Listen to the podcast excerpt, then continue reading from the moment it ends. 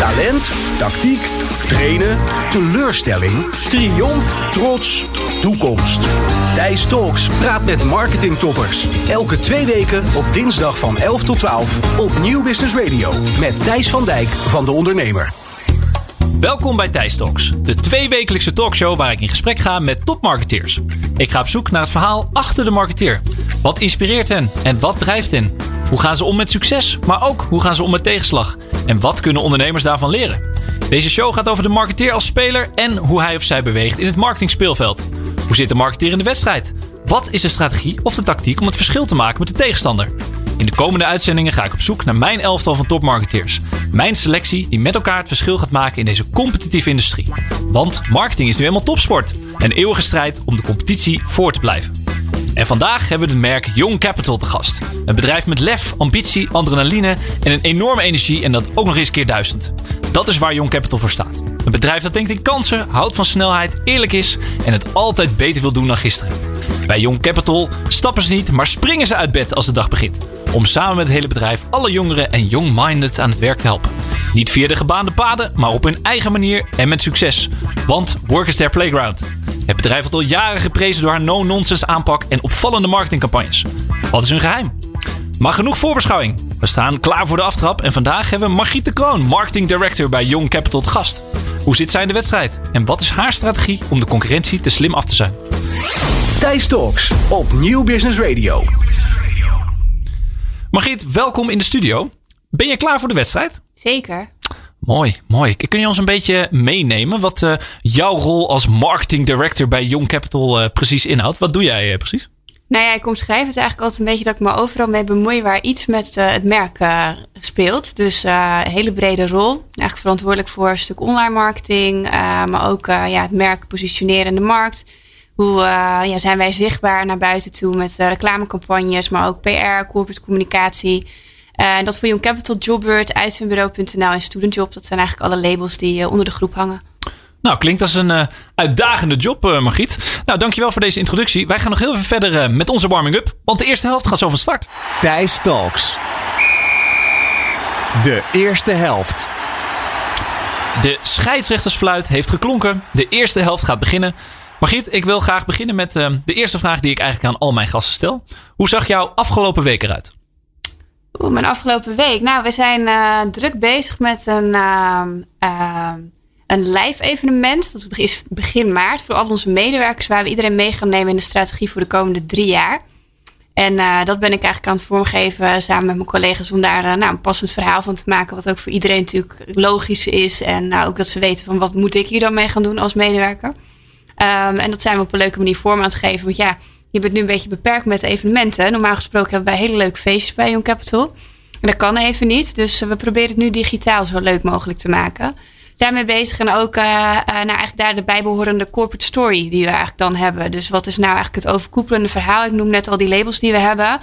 Wat is de gemene deler daarvan en hoe zet je dat dan in de markt? Want wij ja, zijn eigenlijk in een nieuwe fase ook wel weer beland als merk. We hebben heel lang waar we een beetje het het brutale kindje zeg maar in de markt. En we waren aan het schoppen. En uh, ja, we worden steeds groter. Dus wij moeten nu wel ook echt een serieus verhaal ook gaan vertellen. Dus het is niet alleen maar meer die gekkigheid die wij altijd hebben gedaan. En daar zijn we wat meer handen en voeten aan aan het geven.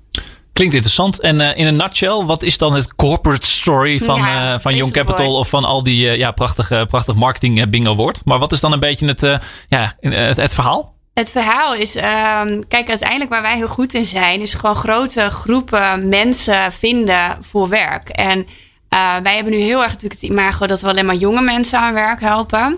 Uh, maar wij hebben met onze andere labels is dat eigenlijk veel breder. We hebben ook een Jobbeurt uh, onlangs eigenlijk ook wat sterker in de markt gezet met een nieuwe campagne begin dit jaar. Toen gooide corona wat roet in het eten. Maar ook op Jobbeurt zetten we best wel fors in. En dat is eigenlijk een veel bredere doelgroep. Dus Waar we eigenlijk gewoon goed in zijn, is hele grootschalige wervingen doen. En dat kunnen we omdat we een enorme slagkracht hebben op het gebied van marketing. Dus we kunnen heel veel bereik realiseren en onze database daarmee vullen.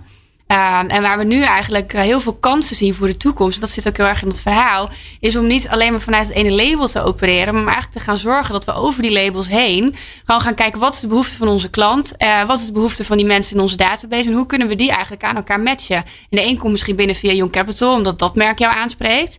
En de ander die komt misschien wel binnen via Jobbird of uh, via uitzendbureau.nl of wat dan ook.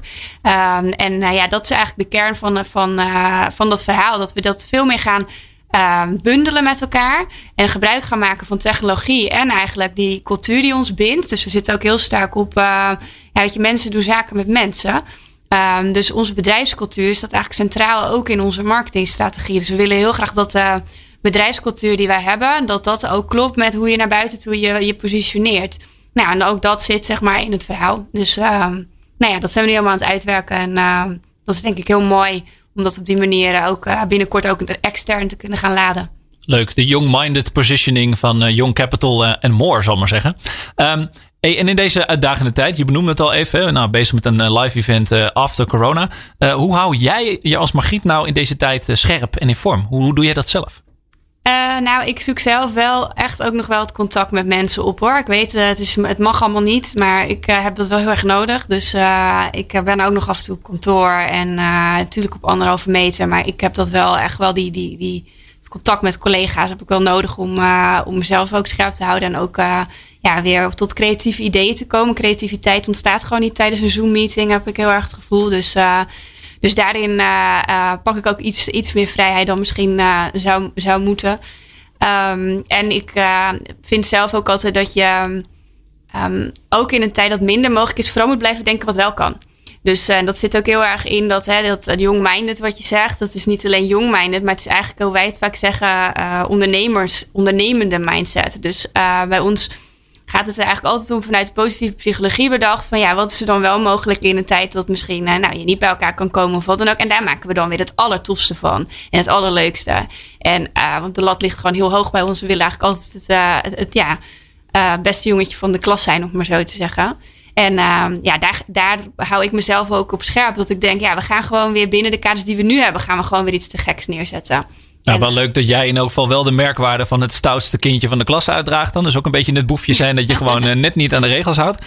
Um, maar als je dan even naar jou kijkt, hè, van uh, waar haal jij dan nu je informatie en, en je inspiratie een beetje vandaan? Zijn er, zijn er bronnen die jij gebruikt van wauw, dat, dat is echt uh, waar ik heel veel naar kijk? Nou, ik hou heel veel uit uh, eigenlijk gewoon populaire cultuur. Dus uh, als je kijkt gewoon naar uh, bijvoorbeeld inspiratie op creatief gebied, vind ik zelf. ik kijk veel films en series. Dat is gewoon een hobby eigenlijk. Ik heb niet zoveel andere hobby's, dus ik, kijk gewoon veel tv. en ja, weet je, daar kun je natuurlijk heel veel uithalen. Hè? Op manier van cinematografie, maar ook verhaallijnen.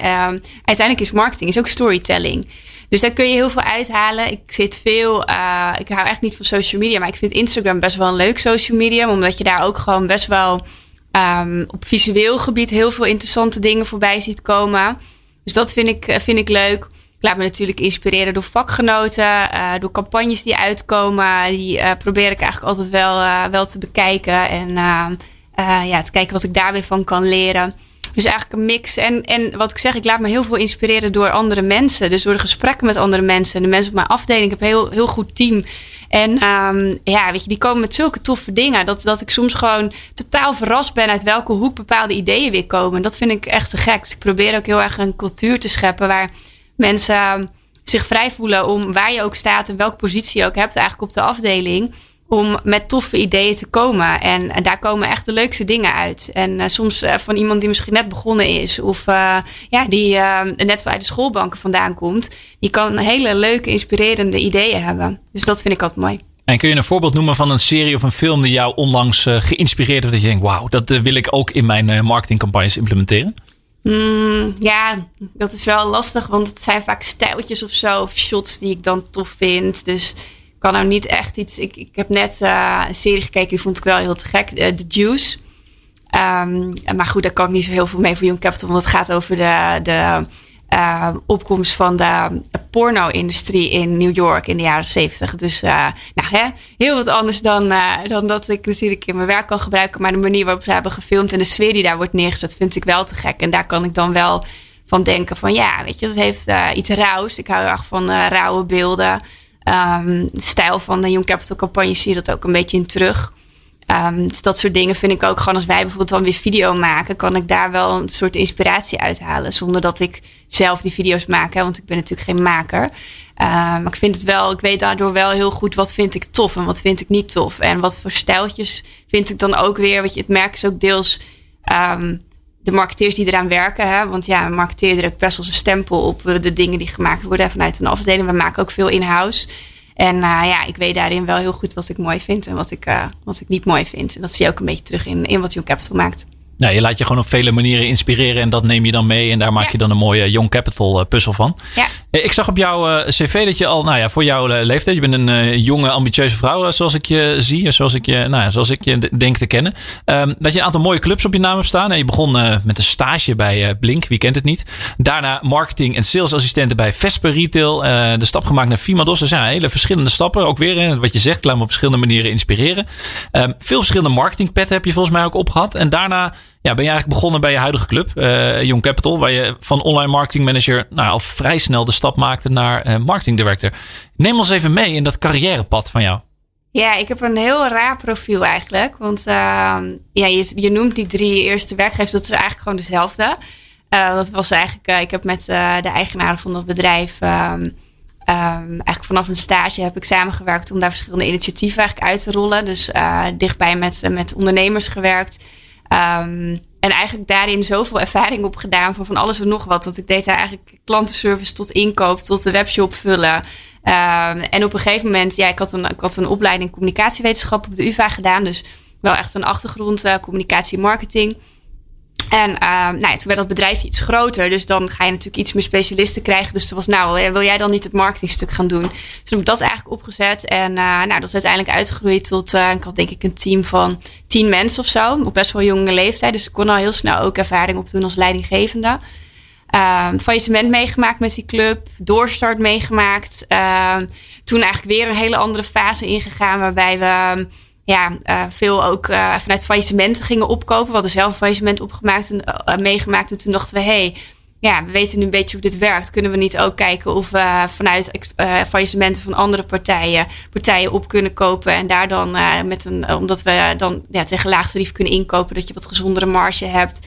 Op die manier het businessmodel wat om kunnen turnen. Nou, ik zat gewoon eigenlijk heel erg dus op strategische bedrijfsvoering ook meedenken van hoe kunnen we dit bedrijf succesvol maken. Um, nou, dat eigenlijk eh, best lang gedaan. Ik heb al met al met, met die ondernemers waar ik het dus over had, uh, ongeveer nou, 6,5, 7 jaar denk ik samengewerkt.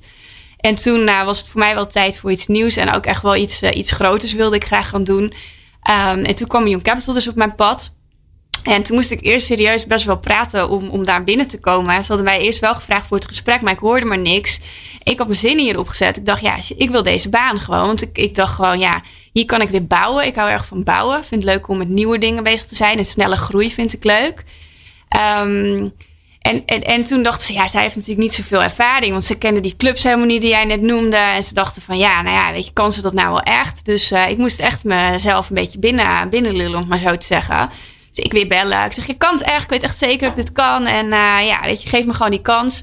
Uiteindelijk waren ze overtuigd. En uh, nou ja, het was gewoon een heel leuke tijd gehad. En gelukkig zagen ze dat ik het kon. En het online team neergezet van Young Capital. En uh, dat uh, ging eigenlijk heel goed. en toen kwam er een vacature vrij. En ik was eigenlijk toen al. Ik, ik, ik hou heel erg van prikkels. Ik vind het leuk als ik weer nieuwe dingen mag doen. Dus als het ook op een gegeven moment, als ik denk het staat, dan, dan wil ik weer verder. Dan wil ik weer iets nieuws bouwen. Het online marketing team stond eigenlijk heel goed. Dus ik had wel eens aangegeven van, hé ja, weet je, ik, ik ben hier zit een beetje aan mijn plafond. Het team staat gewoon super goed. Ik wil iets bij doen. Dus ik was met machine learning en data en zo bezig binnen het bedrijf. Maar het is ook een beetje half-half. En dat lag ook deels bij IT. En toen kwam dit. En uh, uh, nou ja, toen eigenlijk uh, meteen uh, van... hé, hey, is dat niks voor jou? En ik dacht, nou ja, als, als jullie dat, dat vinden dat ik dat al kan... ik had het zelf helemaal niet verwacht. Als je natuurlijk... Ik was dertig toen dit ging doen... Uh, dus ik was onwijs dankbaar dat ik uh, die kans kreeg. En uh, ja, zelf dacht ik wel, jij kan dit wel. Maar ja, je ziet toch ook nog wel vaak bij bedrijven natuurlijk van je moet zoveel vlieguren hebben gemaakt, wil je zo'n rol krijgen. Um, en ja, gelukkig is Young Capital dan heel erg een bedrijf wat wel talent ziet, ongeacht leeftijd of misschien een gigantisch cv of uh, grote corporate op hun naam hebben staan. Ze gingen gewoon heel erg van ja, je hebt laten zien dat je hier iets kan. En de persoonlijkheid is uh, sowieso bij heel veel rollen binnen Young Capital heel belangrijk. En de match dus met die bedrijfscultuur, wat ik ook net noemde. Dus kreeg ik die kans en dat ben ik natuurlijk gaan doen. En dat is nu twee jaar geleden. Mooi. En wat voor type speler zou je jezelf nou definiëren? Ik, ik, zie een, vrouw met een enorme drive, enorme passie, ambitie. En weet je wel, vurig. En dan een vurige speler. Zou je dan meer zeggen van, nou, ik ben meer een aanvallende speler, verdedigend. Je hebt het ook over opbouwen. Uh, waar zou je jezelf zien in het uh, speelveld? Of een middenvelder? Nou, ik sowieso niet in de verdediging. Dat lijkt me vreselijk. Dus uh, ik zou dus ook, daar heb ik wel eens over nagedacht. Hè. Als je bijvoorbeeld bij een merk werkt wat eigenlijk al marktleider is. Dat je eigenlijk alleen maar moet verdedigen dat je dat niet kwijtraakt. Dat lijkt me dus heel vervelend. Want ik wil gewoon winnen. Dus eh, ik wil gewoon eigenlijk dat het groter, groter, groter wordt. En dat ik eigenlijk gewoon echt dat verschil kan maken. Ja, en dat is denk ik eerder wel aanvallend dan dat het verdedigend is. Ja, ik had niet, uh, ik had niet anders gedacht uh, naar jouw uh, vurige pleidooi op dit moment. Um, wat ik wel grappig vond, ik las een interview van jou in de marketingtribune. En daar had je het over ehm, je zwakke en je sterke punten. Dat die zichtbaarder zijn geworden in de, in de crisistijd. Um, wat zijn nou jouw sterke en jouw zwakke punten dan als speler? Um, nou, mijn sterke punt is denk ik uh, dat ik dingen klein kan maken en behapbaar voor mensen. Dus uh, ik denk dat dat ook waardevol is als je een groot team moet aansturen. Want je ziet dat anders dingen snel te complex worden gemaakt en daardoor niet van de, van de grond komen. Um, waar ik niet zo goed in ben, is geduld hebben. En dat hangt daar eigenlijk weer mee samen. Dus uh, ik vind dat snel dingen veel te lang duren. En dan denk ik, jeetje, zijn we hier nu met z'n allen over aan het praten? Kom op, we gaan gewoon. Weet je, dat. Uh, en dat, uh, ik merkte dit jaar heel erg met corona dat ik het best een frustrerend jaar vond. Omdat je um, heel veel dingen konden niet doorgaan. Of oh, moest het toch weer anders. Of lagen gevoelig. Omdat je natuurlijk gewoon een, een periode hebt waar veel mensen het moeilijk hebben. En waarin de markt het ook moeilijk heeft. Of klanten misschien het lastig hebben. Waardoor je niet door kunt pakken. En dat is eigenlijk voor iemand als ik is dat heel frustrerend. Ik wil het liefst snel resultaat en gaan. En uh, ja, dat, uh, dat werd wel uitvergroot afgelopen jaar. Ja, dus een can-do mentaliteit wordt een can't-do mentaliteit. En dat is uh, vrij frustrerend. Ja. Um, nou, ik, ik, ik, kan heel erg um, volgen in jouw verhaal. Ik heb ook heel veel herkenbaarheid dat ik denk, nou, daar herken ik mezelf ook heel erg in. Maar waar ik ook naar op zoek ben, is heb jij bijvoorbeeld ook een coach of een trainer of een mentor gehad waar je bepaalde lessen van hebt meegenomen in al die, nou ja, in al die stappen die je gemaakt hebt en op vrij jonge leeftijd al best wel een belangrijke rol in een uh, grote organisatie? Nou, ik denk dat je. Ik heb niet één coach of zo. Ik heb wel gedurende mijn werkende leven heel veel mensen gehad die mij kansen hebben gegeven. En die mij mee hebben genomen naar alles wat zij uh, uh, deden. Dus bijvoorbeeld die, die ondernemers die ik noemde, hè, die, waar ik eigenlijk uh, ja, die eerste jaren van mijn carrière heb gewerkt. Ja, die zagen iets in mij en die hebben me gewoon overal mee naartoe genomen. En dat is natuurlijk fantastisch. En, want ik was super jong. Mensen dachten soms dat ik hun zusje was of zo. Zij waren twee broers. En dachten, wat moet zij ineens ook mee? Want ik zat overal aan tafel. Maar daar leer je zoveel van. En uh, dus daar ben ik nog steeds echt super blij mee dat ze dat gedaan hebben. Um, en eigenlijk toen ik bij Young Capital kwam, heb ik de meeste inspiratie ook weer gehaald uit bijvoorbeeld de samenwerking met, uh, met de eigenaren. Dus die zijn nog heel betrokken bij Young Capital. Op online marketing heb je dan Rogier, dat is een van de oprichters. Die, die is onwijs gepassioneerd, onwijs optimist. En die energie die hij heeft, die, die, die is ook heel inspirerend als je daarmee mag samenwerken. Dus dat vond ik dan ook weer heel fijn. En, en nu werk ik weer meer samen met Ineke, bijvoorbeeld onze CEO. Die leert mij weer andere dingen. Die leert mij ook hoe je ja, bij, bij, bij zo'n toch echt wel grote organisatie, hoe dan bepaalde lijnen lopen en hoe dat werkt. En hoe je eigenlijk ja, je ook beweegt in een wat meer corporate omgeving. Dat had ik natuurlijk helemaal nooit gedaan. Ik kwam bij een bedrijfje van, uh, nou op zijn max hebben we met uh, eh, 50 man gezeten. En nu zit ik in een organisatie uh, met nou ja, ruim duizend medewerkers. En ja, natuurlijk allerlei verschillende afdelingen. Ik had, ik had serieus nog nooit van een stafafdeling gehoord. Ik kwam bij Young Capital en dacht, waar hebben ze het nou over een stafafdeling? Wat is dat? Want ik, had helemaal niet, ik was niet gewend aan allerlei afdelingen. Nee, je had gewoon iemand van marketing, je had iemand van finance. En uh, dat was gewoon totaal anders. Dus ik was echt wat dat betreft een groentje in het, uh, in het uh, corporate leven, om maar zo te zien. En nu zit ik natuurlijk op een positie waarin je daar wel gewoon weet van moet hebben en, en dat veel moet begrijpen. Dus dat heb ik de afgelopen jaren weer veel meer eigen gemaakt de kladreis van Margriet die nooit eindigt en die continu nieuwe lessen oplevert. Dames en heren, de eerste helft vloog voorbij in deze inspiratieve wedstrijd. Maar we gaan alweer naar de rust. Thijs Talks. Rust. Met een analyse van de tegenstander. De tegenstander van deze week is... De tegenstander van deze week uh, is niemand minder dan mijn goede vriend en vriend van de show Daniel Kok, werkzaam als creatief stratege bij Talpa. En Daniel heeft een uh, hele interessante vraag voor jou in de rust, waar ik benieuwd ben naar wat je daarop te zeggen hebt. Hey Magiet, vandaag ben ik Daniel Kok, de tegenstander in Thijs Talks.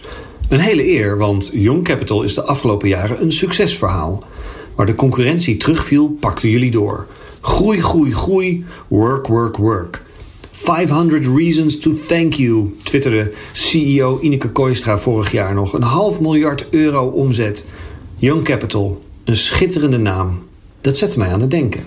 Vroeger was volwassen zijn de norm. Jongeren wisten niet hoe snel ze volwassen moesten worden. Geld verdienen, gezin stichten en starten met het echte leven. Je conformeren aan de norm was wat iedereen wilde. Dan hoorde je er echt bij. En als je jong was, was je een snotneus die alles nog moest leren. En in de jaren 60 en 70 begon dit om te slaan. Jongeren werden mondiger. Ze verzetten zich tegen autoriteit in de maatschappij. De overheid, de politie, de leraar, de baas en natuurlijk papa en mama. Ouders die dan misprijzen naar hun kind keken en dingen zeiden als: Ach, die jeugd van tegenwoordig. En deze jongere trend duurt voort tot de dag van vandaag, al bijna een halve eeuw. Jong zijn is de norm, rebels, progressief, vol met idealen. En jongeren worden steeds later volwassen, krijgen later een gezin, worden later financieel onafhankelijk. Als ik Young Capital bekijk, de naam, de interviews, de copy op de website, dan zie ik dit ook terug. Jongeren en young-minded aan het werk helpen, maar ik lees ook: bij ons lopen vestigingsmanagers van 23 jaar rond en directeuren van 30. Dat is iets wat we kennelijk moeten nastreven. Jonge vestigingsmanagers en directeuren. Work is our playground, staat er ook nog. Speel jezelf naar de top. Maar nu mijn punt. Volgens het Centraal Bureau voor Statistiek is sinds 2019 meer dan de helft van de volwassenen 50 jaar of ouder. Dit komt neer op 7 miljoen Nederlanders. Deze vergrijzing blijft nog heel lang doorgaan. Pas na 2040 gaat dit omslaan. Mijn vraag: laat Young Capital in de positionering niet een gigantische en groeiende groep links liggen? Ja, dat is wel een interessante vraag uh, van Daniel natuurlijk. Ja, we hebben het al heel erg gehad over young-minded. Uh, work is our playground. Maar ik ben toch wel heel erg benieuwd uh, hoe jullie daarnaar kijken. Ook met het, ja, wat je net al in het begin schetste, het grotere plaatje. Ehm, hoe kijken jullie daarnaar, naar die ontwikkeling van de vergrijzing? Hoe gaan jullie daarmee om? Nou ja, kijk, niet voor niks zeg ik net, we hebben niet alleen Young Capital. Hè? Dus het is niet dat wij alleen maar ons, ons richten op die jongere doelgroep. Want, want hij heeft natuurlijk gelijk, hè? je hebt, zit in een niche. Um, en die niche, die, dat is natuurlijk zonde. Al wil je een heel groot bedrijf zijn, dan moet je niet alleen zeggen van we helpen jongeren aan werk. Voor Young Capital is die keuze wel gemaakt, omdat we zien dat jongeren vaak toch nog door het, het corporate bedrijfsleven onderschat worden. En we dat zonde vinden, omdat we zelf andere ervaringen hebben. en ook wel een stuk strategisch om op die manier natuurlijk een onderscheidend vermogen te hebben in de markt. Um, en we zagen ook wel dat juist ook nu, hè, natuurlijk uiteindelijk. Um, die groep vergrijzing is heel groot. Um, maar de groep ouderen in het bedrijfsleven is ook echt nog steeds heel groot. Waardoor die verjonging juist voor klanten van ons super belangrijk is. Dus je bent ook relevant op het moment dat je die jongeren wel weet te vinden voor die bedrijven. Dus daarom is daar voor Young Capital voor die positionering gekozen. Neem niet weg dat er uh, ja, met de vergrijzing op komst Um, juist denk ik nog veel meer extra verjonging misschien wel nodig is. En dat steeds meer bedrijven moeten gaan inzien dat jonge mensen heel veel kunnen. Dus ik denk juist dat je misschien wel extra relevant wordt door de, door de vergrijzing die er is. Uh, maar nogmaals, we hebben natuurlijk ook labels in de groep waarbij we ja, iets meer van dat jonge afstappen. Maar we hebben wel zeggen, um, die energie die wij hebben en die motivatie en die, die can-do mentaliteit, die vinden we wel heel belangrijk. En die kan je natuurlijk ook hebben al ben je 60 of al ben je misschien al de pensioengerechtigde leeftijd voorbij. Dus dat staat eigenlijk los van, uh, van leeftijd. Maar ja, dan een kritische noot eh, van de bondscoach aan deze kant van de tafel. Um, is, het ook, is er ook niet een keerzijde aan jullie succes? Ik bedoel, jullie zijn natuurlijk uh, in die zin uh, groei, groei, groei. wordt overal geprezen door iedereen. Nou ja, we zien het al, de, de young and minded. Is het ook niet een keerzijde dat je nu zo'n sterke positionering hebt als Young Capital, dat het dan niet ja, wel lastig is om daarvan af te gaan wijken op een bepaald moment? Is het, het zegt een beetje mijn gevoel. Hoe zie je dat? Nou, ik denk ook niet dat je dat moet doen. Het is zo krachtig. Dus daarom moet je dat ook doen met differentiatie je merkportfolio. Dus uh, Young Capital zal Young Capital blijven. Maar daarom is dus ook zo'n corporate story wat ik net vertel. En eigenlijk dat, dat groepsverhaal kun je prima op een andere manier, ook met andere labels, met andere verhalen, kun je dat gaan doen zonder dat je de kracht van Young Capital gaat verliezen. Ik denk als je dat met Young Capital zou willen, dat je inderdaad dat je gewoon je identiteit gaat verliezen. Uh, en dat zou echt heel erg zonde zijn. Daar hebben we wel discussies over gehad. Hè? Want um, wij zijn ook een heel commercieel gedreven bedrijf. Dus wij zien ook overal een kans. En kunnen dus ook wel eens ja zeggen tegen een opdracht die eigenlijk waarvan ik zeg: hey, als ik kijk naar het merk, vind ik dat helemaal niet passen.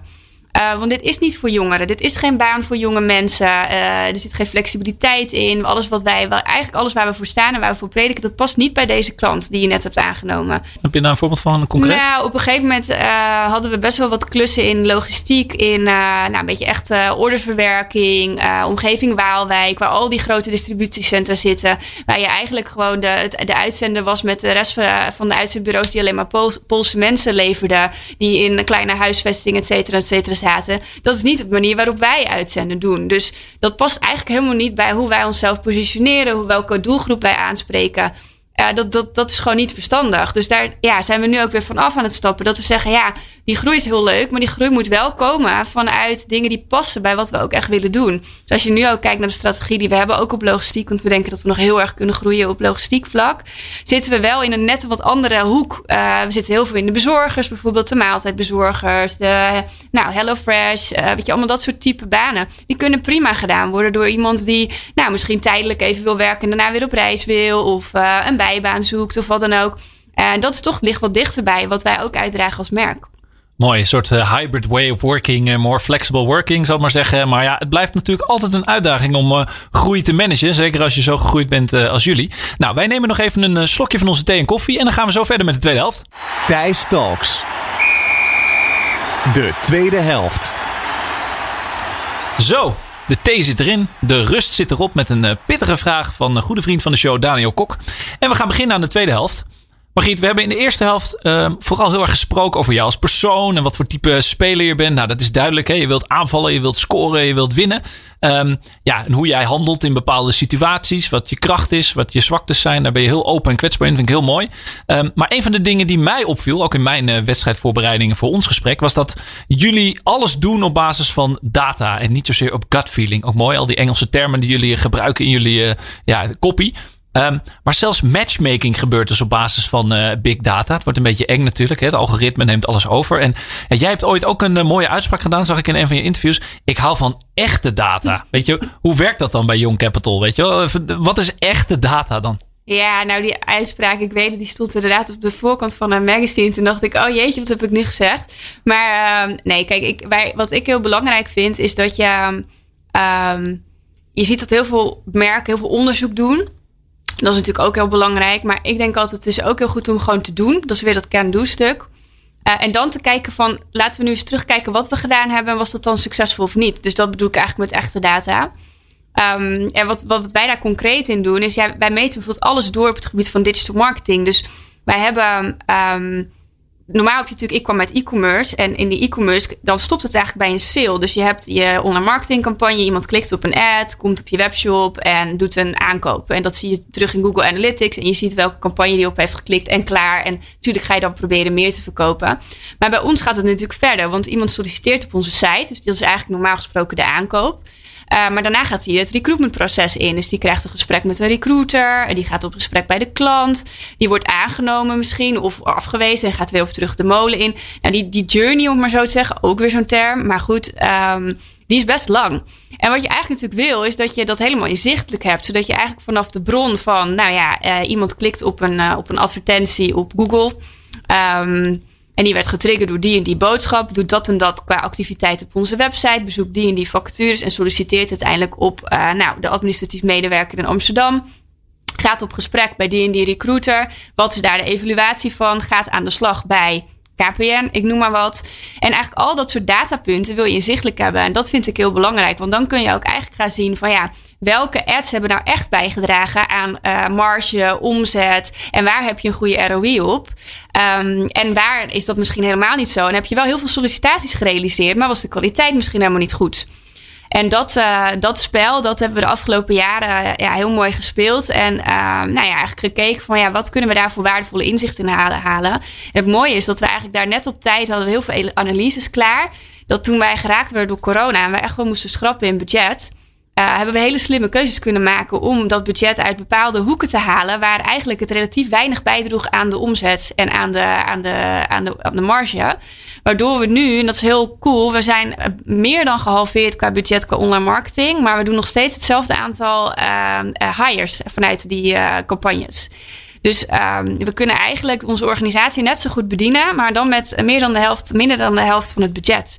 Nou, dat is natuurlijk een hele mooie trigger. Dat wil, iedereen, dat wil natuurlijk iedereen, hè? ieder ondernemer en ieder marketeer. Jij zegt uh, slimme dingen. Kun je één uh, tipje van de sluier oplichten? Wat voor slimme dingen je hebt gedaan? Van, nou, nou, dat is echt een advies wat ik iedereen zou, uh, zou geven. Nou, dus de meest open deur misschien, maar hij heeft wel heel veel impact bij ons gehad. Kijk, uiteindelijk um, hoe makkelijk iemand op je site tot, komt tot wat hij wil dat is natuurlijk gewoon altijd win-win. Dus ik geloof zelf heel erg in conversieoptimalisatie. Ook een van de eerste hires die ik heb gedaan toen ik online marketing manager werd bij Young Capital. CRO-specialist aangenomen, want die verdient zichzelf gewoon terug. Als je dus zorgt dat, nou, je hebt dat verkeerde op je site. En je zorgt dat die mensen sneller bij jouw product of je sollicitatie uit, in ons geval uitkomen. Ja, weet je, dat is natuurlijk goud. En wat wij gedaan hebben, heel veel bedrijven zitten dan nog een beetje op de AB-testen. En een knopje, een kleurtje veranderen, et cetera. Ook heel leuk, ook heel waardevol. Uh, wij zijn dat eigenlijk next level gaan doen. Uh, door alles te personaliseren. Dus onze hele website is eigenlijk aangepast op basis van data. Dus we hebben eigenlijk gekeken van nou, wat weten we van deze persoon? Wat zijn interesses? Wat zijn dan vacatures die zouden kunnen matchen met het profiel? Um, en die gaan we heel snel eigenlijk uh, onder iemands neus drukken. En dan de funnel zo simpel mogelijk maken. Dus hoe kom je zo makkelijk mogelijk tot een sollicitatie? Nou, een hele praktische die ik dan wel weg kan geven. Kijk, heel veel mensen zitten op hun mobiel. En dan vragen mensen hun cv nog uit. Ja, je hebt je cv niet op je mobiele telefoon. Dus dat kun je beter niet uitvragen. Want dan ben je zo afgehaakt als bezoeker. Nou, dat soort dingen eruit halen kan enorm effect hebben op het uiteindelijke aantal sollicitaties dat je hebt.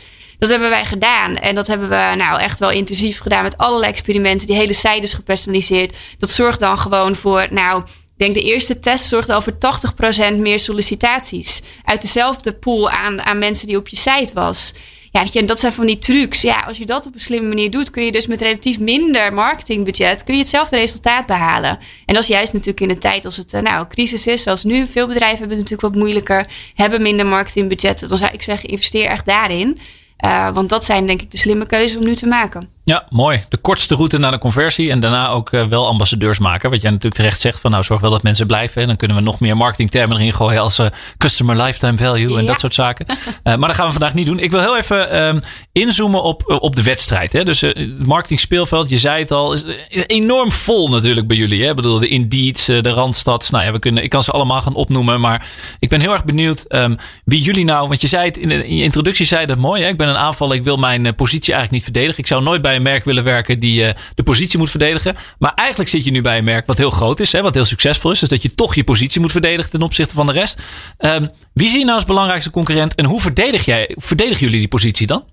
Nou, wij zitten, eigenlijk zijn wij sowieso als bedrijf niet zo verdedigend, hoor, moet ik zeggen. Um, we hebben nog steeds maar een marktaandeel. Als je kijkt naar de ABU, dat is eigenlijk de brancheverenigingen voor uitzendbureaus. Daar hebben wij nu een marktaandeel misschien van 8,5 procent. Uh, dus daar, ja, dan is er nog heel veel te winnen. Um, dus als je kijkt puur naar de markt, hè, zijn dat natuurlijk andere uitzenders zoals Randstad, Adecco, uh, Manpower en echt heel veel kleintjes. Want er zijn heel veel kleine uitzendbureaus in Nederland. Dat wist ik ook niet voordat ik in deze branche kon werken, maar dat zijn er echt bizar veel. Um, dus de markt is nog groot genoeg om zeg maar, te, gaan, uh, uh, te gaan winnen. Um, maar ik denk dat een stuk van de winst ook zit in, in een bredere positionering. Als je kijkt naar uh, die, dat hele merkportfolio. Dus waar ik nog heel veel kansen zie, is de jobboardmarkt. Dus uh, met Jobboard zijn wij geen uitzendbureau, maar een jobboard. Dat houdt eigenlijk in dat je als bedrijf vacatures bij ons kunt plaatsen. Um, en verder eigenlijk, wij doen niet de verdere afhandeling, dus we doen niet de intakes, et cetera, et cetera. Dus eigenlijk echt een advertentieplatform. Ja, daar is Indeed is gewoon de allergrootste. Um, daar kijken wij natuurlijk naar en dat is een concurrent. En daar willen wij natuurlijk uh, aandeel van gaan pakken. Um, dus ja, in die zin zitten we vol in de aanval en het verdedigen doen we eigenlijk bijna niet. Tuurlijk probeer je de achterdeur dicht te houden hè, van je klanten die je hebt. Door gewoon heel uh, goed te blijven leveren en uh, afspraken na te komen, et cetera. Maar bij ons is het veel meer gedreven op winnen, winnen, winnen dan verdedigen. Interessant. Ja, ik las ook iets over eh, dat jullie een Young Capital Brain hebben. Ik bedoel, alles is natuurlijk in het Engels bij uh, Young Capital. Maar welke rol speelt dat brain dan in, in uh, jullie bedrijf? Moet ik dat zien als een soort denktank? Is dat de motor van het elftal? Hoe functioneert dat? Nee, Young Capital Brain, dat is eigenlijk ons machine learning algoritme. Um, en waar we daaraan bouwen is eigenlijk een algoritme om werkgevers en kandidaten nog beter aan elkaar te kunnen matchen. Wel in combinatie met ehm, de recruiter. Hè? Dus het is niet zo dat we dat volledig willen automatiseren plannen hebben we in het verleden wel eens gehad, maar het is gewoon best complex. Want je wilt ook niet dat bepaalde biases die er zijn, hè, die eigenlijk in de voeding van het algoritme zitten, zoals vooroordelen of wat dan ook, dat die worden versterkt door het algoritme, waardoor je de verkeerde keuzes maakt. Maar je kunt wel heel veel data kun je uit cv's halen, uit uh, gedrag van iemand op een website, door wat zijn behoeften zijn. En dat koppelen eigenlijk aan wat een klant zoekt in een kandidaat. En eh, daarmee kun je in ieder geval de, het leven van een recruiter al wat makkelijker maken. Door bijvoorbeeld te zeggen: hey, kijk eerst eens naar deze 10 cv's. In plaats van naar die 100 die je hebt binnengekregen. Of uh, ja, we gaan een e-mail sturen voor een klant. Omdat hij een bepaalde werving heeft lopen. Ja, laten we die nou eerst eens naar die eerste 10.000 sturen. En niet meteen naar alle uh, eh, 50.000 die we in de database hebben. Want die zijn misschien helemaal niet interessant. Die, op basis van het algoritme blijkt dat die misschien uh, ja, nu helemaal niet op zoek zijn naar werk. Omdat ze al een tijd geen activiteit hebben vertoond. Ik noem maar iets nou, op die manier zetten we dat eigenlijk in. En ja, ook daarmee kun je dus steeds slimmer worden in je matching. Uiteindelijk is dat natuurlijk wat we doen. Dat is dus de combinatie, dat is dus die echte data. Hè? De combinatie van het brein en de mens. Dus de menselijke kant aan data. Hey, nou, het is één groot succesverhaal. Um, voordat we zo meteen naar de, de penalty serie gaan, heb ik nog één, uh, ja, ook een vraag van. Heb je wel eens het gevoel gehad dat je in een wedstrijd speelde waar je dacht, nou, ik sta echt met 2-0 achter. Hoe ga ik dat in godsnaam omdraaien? Mm, nou, bij Young Capital heb ik eigenlijk niet echt het gevoel gehad dat we 2-0 achter stonden. Want het is inderdaad best wel een succesverhaal. Dus um, ik heb wel toen ik net begon, dacht ik, shit, we staan achter op technologie. Um, naar buiten toe leek het toen al wel alsof we heel ver waren. Maar was toen stiekem nog niet zo. Het was echt wel van de laatste jaren geweest dat we die inhaalslag hebben gemaakt. Ik merkte dat het, uh, en dat is natuurlijk ook waarom ze mij toen ook hebben aangetrokken en we dat team ook mochten gaan bouwen. Want de wil was er heel erg om dat wel weer terug te hebben. Zij zijn begonnen als heel erg techpartij. Hè, met, met, met al heel vroeg uh, alles via online. En CEO-posities waren sterk. Maar op een gegeven moment werd dat een beetje te vanzelfsprekend. Er gingen andere merken gingen daar al mee door. En was daar niet echt in geïnvesteerd bij, bij studentenwerk toen nog. Um, en toen had ik wel even het gevoel toen ik net startte van... oeh, ik dacht eigenlijk dat dit al wel verder was. Uh, en toen hebben we eigenlijk vol gas gegeven en dat ook weer ingehaald. Maar ja, dat is eigenlijk de enige keer dat ik dat echt heb gehad. Verder hebben we echt wel het gevoel dat we in de markt uh, op dat gebied, hè, op het gebied van marketing, op het gebied van uh, data, et cetera, dat we ja, een hele mooie positie hebben, echt wel in de kopgroep. Dus dat is lekker. Gaaf. Ja, de laatste vraag die ik heb. Bedoel, ik hoor heel vaak de can-do mentaliteit. Maar als jij nou een uh, reclamebord zou mogen kopen in jouw favoriete sportstadion of voetbalstadion. -hmm. Wat zou er dan op dat bord komen te staan en waarom?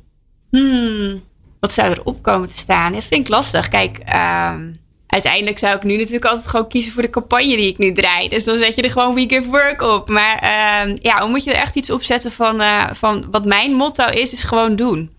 En dat is toch weer dat can doen, maar dan lekker Nederlands. Want uh, al die marketingtermen hebben er wel heel veel voorbij horen komen het laatste uurtje. Um, maar ik denk dat dat ook centraal staat bij Young Capital. Dat we zeggen van ja, laten we het maar gewoon proberen. En ga maar een keertje, ga laten maar een keer misgaan als het misgaat. Maar we gaan het gewoon doen. En uh, ja, ook een beetje dat niet lullen maar poetsen. Ik vind dat zelf heerlijk. En uh, dat zou ik, uh, dat, ja, dat zou ik wel op een bord willen zetten. Ja, ik denk niet lullen maar poetsen is een goede afsluiting van deze wedstrijd. waar er helaas geen winnaar uitgekomen is. Dus we gaan naar de penalty-serie. Ja, de wedstrijd zit erop, dames en heren. Het was een mooie wedstrijd. Heel dynamisch. Er zat heel veel passie en vuur in deze wedstrijd. Um, kansen over en weer. Veel goals ook in deze wedstrijd. Het is 4-4 geëindigd. Dit is fantastisch. Um, maar er moeten wel strafschoppen aan te pas komen om de winnaar te bepalen. De penalty shootout quiz. Margriet, je krijgt van mij vijf penalties, hè, zoals dat hoort in een uh, penalty-serie. In de vorm van vragen om een beetje jouw kennis van het marketing speelveld uh, te testen. Oeh. En waarbij je dan de juiste hoek moet kiezen en wel moet scoren. Ik heb net begrepen dat je heel graag scoort. Dus dit wordt wel een dingetje voor je, mocht je missen. Dus ja, ik bereid je een beetje voor. Um, hoeveel penalties schiet je raak? Hoeveel mis je er? Hoeveel kennis heb je eigenlijk uh, ja, van het vak waar je, waar je in zit? Ben jij uiteindelijk de penalty specialist waar ik naar op zoek ben voor mijn elftal? Ben je er klaar voor? Ja, ik vind het wel een beetje spannend eigenlijk. Ja, ik zie de adrenaline. Ik zie je nu een beetje ja. nerveus worden. Ik bedoel, dat het powerfraude is nu dat je denkt... oh shit, zal ik een penalty missen? Ja. Nou goed. ik ben dus ook niet goed in quizzen en zo. Dan, dan denk ik altijd, oh ja, weet je wel dat. Ja, maar goed, dat is bij een penalty serie is dat heel belangrijk. Je moet kiezen. Dus we gaan al snel door naar de eerste penalty uh, van vandaag. Deze nou ja, zou je kunnen raakschieten. Um, wie was in 2019 marketeer van het jaar? Wie was in 2019 marketeer van het jaar? 2020 is nog niet bepaald. Uh, Arno de Jong. Ja, kijk hier. Dit, wordt, is, dit is gewoon een quiz. Boom. Dit is gewoon 1-0 voorsprong. Fantastisch, hè? Dit is, dit is, een mooie start van de penalty-serie. Maar goed, er zijn nog veel penalties te gaan. Ja, ja, ja dat was Arno de Jong. Heel goed. Um, de tweede vraag, uh, die is wat uh, actueler. Um, we hebben natuurlijk de afgelopen, nou, een tijdje terug hadden we de Super Bowl. Tom Brady die won zijn zevende ring. Nou, die man is inmiddels 45, geloof ik. Maar uh, hij doet het nog steeds als quarterback daar in die Super Bowl. Uh, en daar was een heel interessant feitje kwam daar naar voren. En ik wil kijken of jij uh, dat weet als marketeer. Wat kostte een 30 seconden reclamespot dit jaar bij de Super Bowl. Dus wat, wat kostte dat als jij als een Young Capital wil reclamespot inkopen bij de Super Bowl? Boom. Hoeveel euro, dollar moest je daarvoor neerleggen? Oeh, dat weet ik niet. Ik denk uh, 800 miljoen. Nou, dat is wel heel veel. Nee, nee, nee. Dat is wel heel veel. Ja, dat is wel, dan heb je heel veel budget nodig. Nee, dat is iets te ver. Het is 5,5 miljoen dollar voor 30 seconden. Oh. Hebben ze nog steeds oh. veel. Ik wil 30 seconden spot in Nederland uh, kost, uh, kost iets minder dan uh, 5,5 miljoen. Um, ja, ik dacht dus dat het nog veel gekker was. Dus nee. Nee, nee, nee. nee het is maar één spot. Hè. Het gaat niet over het hele reclameblok kopen of het hele Super Bowl ja, afdekken. Dus ja. luister goed naar de vraag. Luister goed naar de penalty. Nee, deze werd ruim naast geschoten. Maar goed, niks, niks getreurd. Het is 1-1. we gaan over naar de derde penalty. En dit, is een, ja, dit zou een Panenka moeten zijn. Weet je, dat noemen we in het voetbalterm een stiftje. Ik bedoel, je zei al vooraf dat je nog niet zo uh, van de voetbalterm was. Dus ik geef je even wat, uh, ja. wat uitleg. Um, wat is volgens Interbrand, Forbes, uh, het meest waardevolle merk ter wereld? In het kader van merkwaarde. Wat is het meest waardevolle merk ter wereld? volgens mij nu Apple. Yay! Kijk hier, bedoel, ze, neemt ook, weet je, ze denkt ook niet lang na over deze vraag. Hè? Ze schiet gewoon bam. Gewoon hoe kiezen, zoals het hoort bij een penalty. Ja, 2-1. Inderdaad, dat is, dat is Apple. Klopt, klopt. Nou, nu komen we meer in jouw eigen uh, straatje. Nu is het even in het kader van uh, ja, hoeveel uh, cijferkennis heb je van je eigen vakgebied. Dus, dus ja, in het, in het algemeen hoop ik dat de marketeers dat meer weten. Maar soms word ik nog teleurgesteld. Um, de volgende penalty. Um, dit gaat over het aantal werknemers met een flexibele arbeidsrelatie. En dit zijn, uh, ja, dit zijn natuurlijk al wat arbitraire dingen. Dan zeg je, ja, wat is de bron die je gebruikt hebt, Thijs? Maar goed, ik gebruik gewoon Google en dan stel ik de vraag. Hoeveel werknemers met een flexibele arbeidsrelatie, nou, die ze voor jullie interessant zijn, waren er in het derde kwartaal 2020? Dus die cijfers heb ik gebaseerd. Nou, dat is ook specifiek kan ik maken. Ik geef je wat speling. En wat versta je onder Is het freelance en uitzend en uh, ook mensen met een tijdelijk contract? Flexibele arbeidsreis. Ja, eigenlijk dus alles wat, daar, uh, wat daaronder valt. Volgens, uh, nou, er is een, uh, is een bron voor die dat hanteert. Dus de flexibele arbeidsrelatie. Dus mensen die op de arbeidsmarkt zijn met een flexibele arbeidsrelatie. Dus laten, we, laten we de freelancers en de ZZP'ers even buiten, buiten beschouwing laten. Want dat noem ik ondernemers. Geef je wat speling. Je neemt een aanloop. Mm, ja, ja dat, je hebt heel veel verschillende definities hiervan. Zeker. Dat maakt het ook leuk bij de penalty serie. Ja, enig, ja. Dus... Um, ik zou geen 800 miljoen zeggen. Dat nee, is net iets nee, te veel. Nee, nee, Ik denk uh, 1,6 miljoen. Oh, ze zit er, oh, hij zit er gewoon in. Binnenkantje paal ook gewoon. Hè? Het was 1,7 miljoen. Maar ja, ik gaf je wat speling. Ik had net met mijn quizmaster afgesproken dat we iets speling hadden. En het is ja, heel goed, Margriet. Ik ben nog onder de indruk. Dit is gewoon uh, 3-1 in deze penalty-serie. Ik kan niet meer fout. Ik bedoel, ja, kan nog 3-2 worden. Maar um, het zou mooi zijn als we met een 4-1 uh, afsluiten. Nou, dit, dit is ook een benaderingsvraag. Ook hierbij, nou ja, daar ben je goed in, in die benaderingsvragen. De laatste strafschop van deze serie. Hoeveel uitzendkrachten kent Nederland volgens cijfers uit hetzelfde derde kwartaal? Dus hoeveel uitzendkrachten? Dus dan hebben we het ja. niet over flexibele arbeidsrelaties. Zijn iets minder dan 1,6 miljoen of 800 miljoen? Ik geef je ook daar wat speelruimte. Ja, ik zou je zeggen, ik zit echt met, tot over mijn oren in cijfers. Dus het zou zomaar kunnen dat ik dit gisteren nog gelezen heb. Maar, uh... Ja, dat geeft niet. De aanloop komt. Ze, neemt, ze kiest geen hoek, want ja, het is een gokje. Ik denk misschien 800.000. Oei, net iets te veel, net iets te veel. Ja, dat zijn er uh, vier keer minder. Het zijn er 200.000. Uh, 200.000. Uh, ja, uitzendkrachten. Ja, goed, het is natuurlijk ook de definitie. Hè? Dus wat dat betreft is arbitrair. Maar het goede nieuws ik is. Denk, ik denk dat die niet klopt, ik gezegd. Want wij hebben er in een jaar hebben we er al uh, 50.000 aan het werk. En wij hebben maar een marktaandeel van dus 8,5 procent. We vragen het even aan de VAR. We komen hierop terug of dit doelpunt wordt goedgekeurd. Um, wederom misschien een correctie in, uh, in de aantallen. Maar goed, ja, weet je, ik word ook maar afgerekend op de bronnen. Dus de VAR bepaalt uiteindelijk straks uh, wie er gelijk heeft. Maar weet je, Margriet, het goede nieuws is... je hebt de penalty-serie winnend afgesloten ja. met een prachtige 3-2. En de wedstrijd zit erop. Ja, Margriet, naar jou zo gesproken te hebben, moet ik toch um, jou een prachtige positie in mijn, uh, in mijn aanval geven. Ik vind je een veelzijdige aanvaller met een actie. Heel veel lef toon je, weet je wel, veel passie, vurig, weet je. Je gaat gewoon op je man af of je vrouw af en je passeert uh, waar mogelijk. Je durft dat te doen. Uh, ik wil je graag neerzetten als uh, rechtsbuiten in mijn elftal. Als je rechtsbenig bent, als je linksbenig bent, je linksbuiten, maar rechtsbuiten in mijn elftal. Ja, degene die de beslissende voorzet geeft, maar ook heel veel doelpunten maakt. Dus ik, ja, is een beetje de Steven Berghuis, om even in de Nederlandse termen te blijven, die zelf ook kan scoren. Kun je Nou, daarmee leven? Ja, zeker weten. Margriet de Kroon, marketing director bij Young Capital. Dankjewel voor jouw komst aan de studio. En voor de luisteraars, bedankt weer voor het luisteren. Volgende keer in Thijs Talks hebben we niemand minder dan Ines Stultjens van Royal Alping te gast. Tot de volgende keer. Talent, tactiek, trainen, teleurstelling, triomf, trots, toekomst. Thijs Talks praat met marketingtoppers. Elke twee weken op dinsdag van 11 tot 12 op Nieuw Business Radio. Met Thijs van Dijk van De Ondernemer.